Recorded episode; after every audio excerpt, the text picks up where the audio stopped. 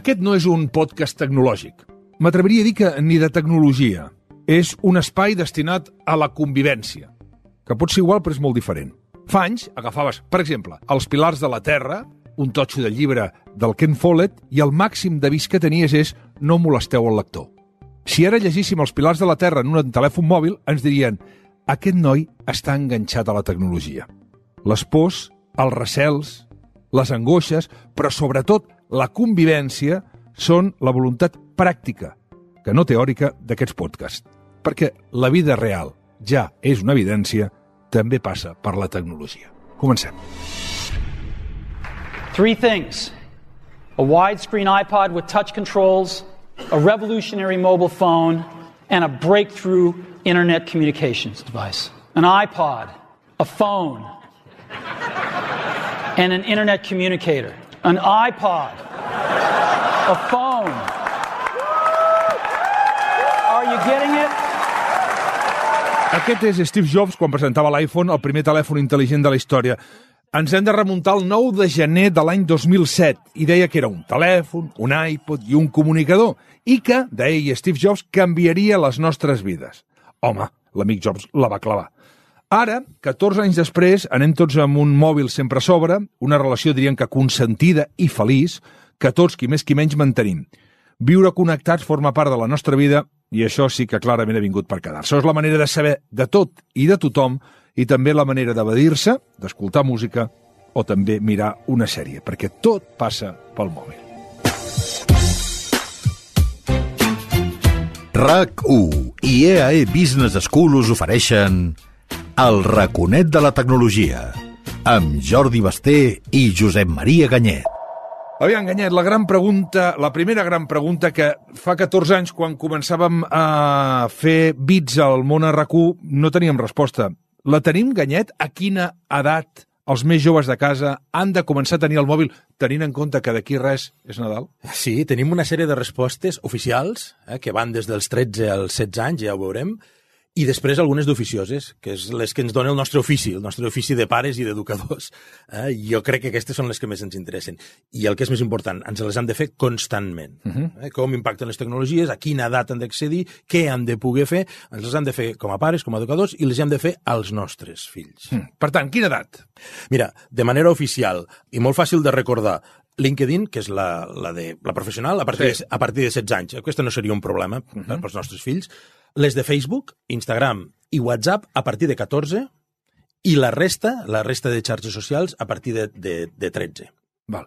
Però estem parlant de, per exemple, si no hi ha una edat fixa, perquè és evident que no hi ha una edat fixa, eh, hi ha una història que quan ens demanin ara una, a la carta dels Reis, volem un mòbil d'aquests que mm, els Reis miren el preu i diuen 800.000 mm, euros. Tu a una sí, criatura sí. li pots regalar un aparell de 800.000 euros?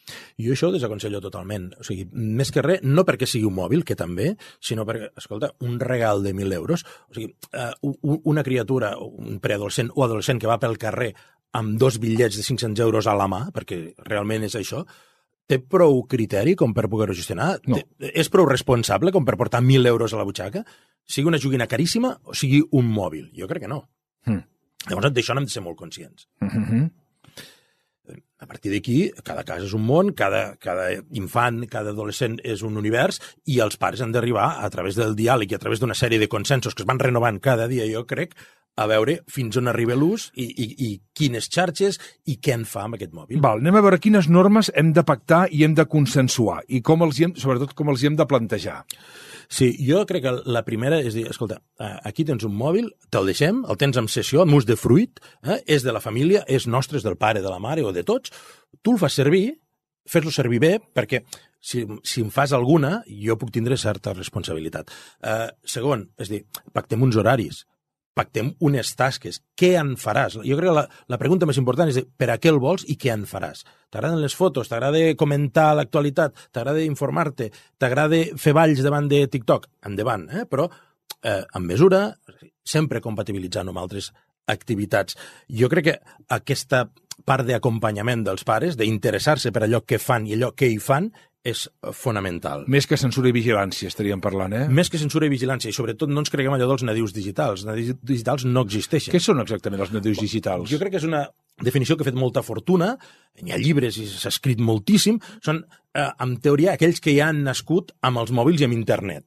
I això no els fa més competents amb la utilització dels mòbils Per tant, tu estàs en contra d'aquesta expressió totalment. To- en- Totalment en contra, ha fet molt mal. Per mi, eh, i a més hi ha un llibre que es diu així, els natius, els nadius digitals no existeixen. De la mateixa manera que nosaltres no som nadius mecànics perquè haguéssim nascut entre motos i cotxes. Clar. No, no ho som. Clar. Eh, Necessites aprendre unes regles per anar per l'autopista. Sí, això de que dèiem, és que aquests nens ja, quan neixen, ja fan així amb el dit, com eh, això...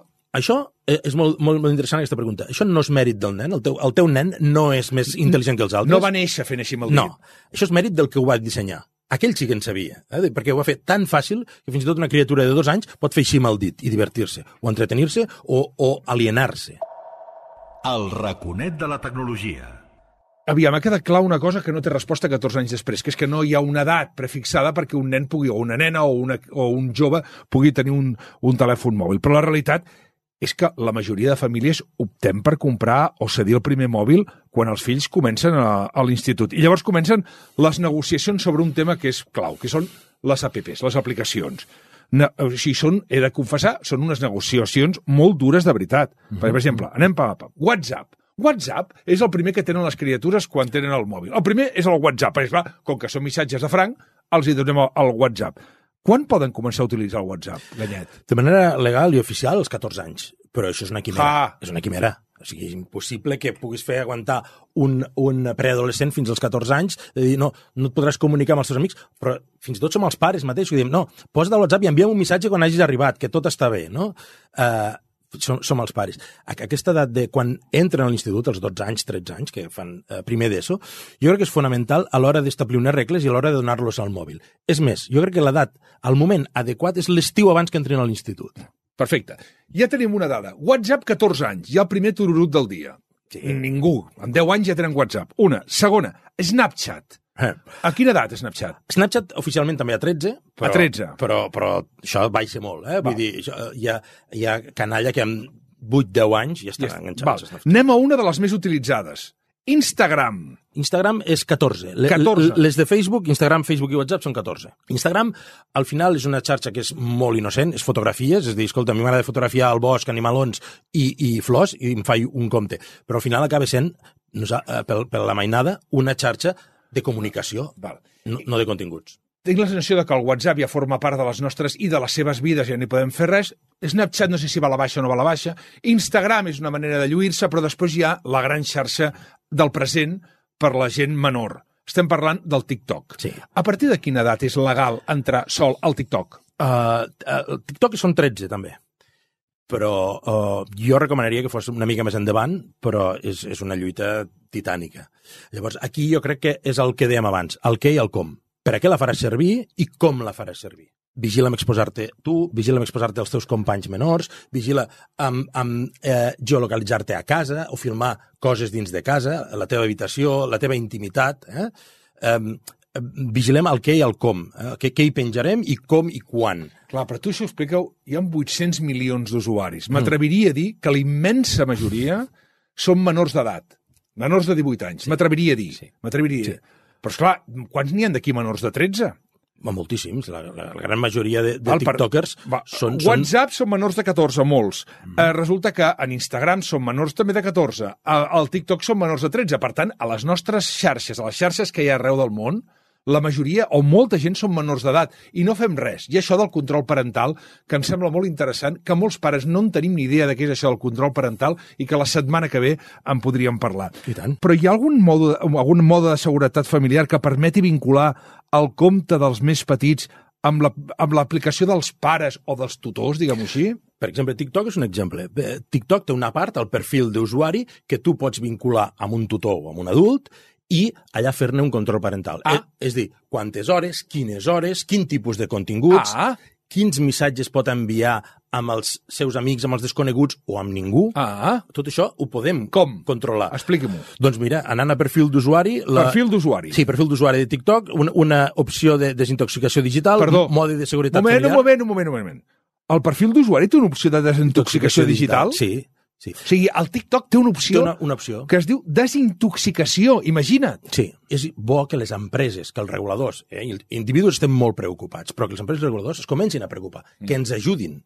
Eh? Bueno. Jo crec que no ens, no ens en podem sortir tots sols d'això. Ara ja estem a la desintoxicació digital que posa l'opció. Després on anem? A mode de seguretat familiar, eh, llavors allà hi podem vincular amb aquell compte de la criatura, amb aquell compte de la criatura, i podem eh, vincular un compte d'un pare, un adult, un tutor. Llavors et dirà, selecciona si ets el pare, Exacte. si ets el, el tutor, qui Vincules sigui. els comptes i, sí. llavors amb el teu compte de TikTok pots veure l'activitat o pots administrar l'activitat del teu fill, de l'adolescent o de qui Suposo que et farà escanejar un, Sí, amb un, codi, QR, QR. amb un codi QR per, per emparellar, que no, que no pugui ser un tercer que no hi tingui accés, i a partir d'aquí els, els comptes queden vinculats. Val, estem fent la lletra petita, eh? eh Sí. que està molt bé. Però la teoria, això, però ara la pràctica, perquè una cosa és l'edat legal i l'altra és la realitat, la que, la, la, la, la que explicava. Perquè és impossible dir-li a un menor no, tu no pots entrar a TikTok, tu no pots estar a Instagram perquè no tens l'edat reglamentària.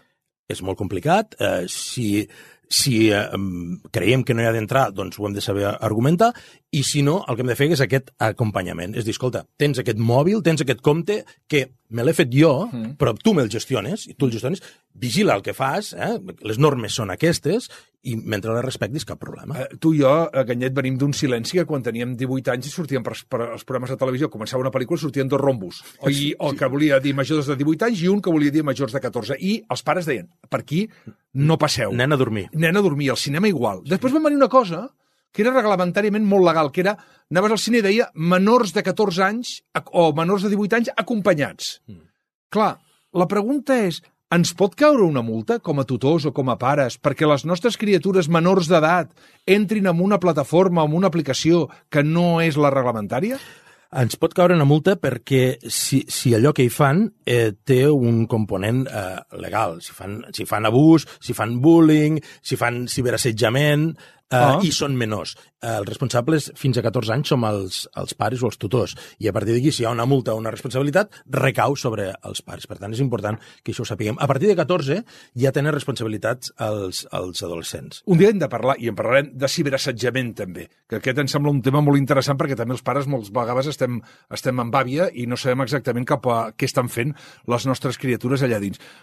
Siguem pràctics, Ganyet. Em pots dir on podem trobar informació sobre quina edat poden començar a utilitzar les aplicacions? Els Mossos tenen una secció molt interessant, mossosgencat.cat, i fan programes a les escoles i a pares, sessions a pares, de com utilitzar les xarxes, de com utilitzar els mòbils, i tenen tota una sèrie de consells i de, i de millors pràctiques al seu web. Jo diria que la regla general hauria de ser aguantar al màxim tant el mòbil com les xarxes socials, mentre això no provoqui una tensió que, que, que no es pugui gestionar. Hi ha una norma que potser no està escrita però que normalment la solem aplicar, que és dir, escolta, tu deixes les claus de casa teva al teu fill, adolescent o preadolescent, si és prou responsable com per gestionar l'entrada i la sortida de casa teva, i qui entra i qui surt, probablement ja, ja comença a ser responsable com per gestionar el mòbil. És infinitament més complex. Però si no li deixes les claus de casa, deixar-li un mòbil és inconscient. El raconet de la tecnologia. Vaja, que no hi ha blancs ni negres, sinó una àmplia gamma de grisos i que al final és cada casa i cada tutor qui s'ho ha de gestionar a la seva manera, no? Sí, la norma general jo diria fins a l'institut, eh, a l'estiu abans de l'institut, perquè no sigui la novetat quan entren a l'institut, sinó que a l'estiu ja han paït la novetat.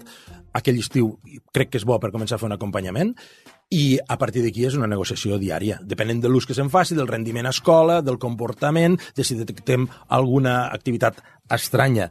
Jo, eh, la, la tàctica que intento fer servir és ni controlar ni prohibir amb accés ni prioritzar amb accés la tecnologia digital, siguin pantalles, siguin mòbils. Jo intento posar el mòbil a la mateixa alçada que els, els astèrics, que els llibres, que la bicicleta, que el bàsquet, que la PlayStation i que les sèries de Netflix. Intento que estigui tot a la mateixa eh, alçada i que hi hagi on triar, sense prioritzar un i l'altre, intentant modular, però sense arribar a entrar a, a prohibir. Però si no hi ha més remei, tenim responsabilitat com a educadors a estar-hi sobre. En el pròxim podcast, Ganyet, parlarem d'allò que ja apuntàvem, que és una expressió que fem servir molt, però que molts pares no saben exactament què és ni on està. Es diu el control parental. Tenim moltes eines. RAC1 i EAE Business School us han ofert el raconet de la tecnologia amb Jordi Basté i Josep Maria Ganyet. L'experiència és un grau i la teva un valor. Passa de nivell amb l'Executive MBA d'EAE Business School. Treballa les teves competències directives i de lideratge i genera sinergies amb altres professionals. Els MBA d'EAE, dels més ben considerats segons els rànquings de Bloomberg i QS. Informa't a eae.es. What's next for you? EAE. We make it happen.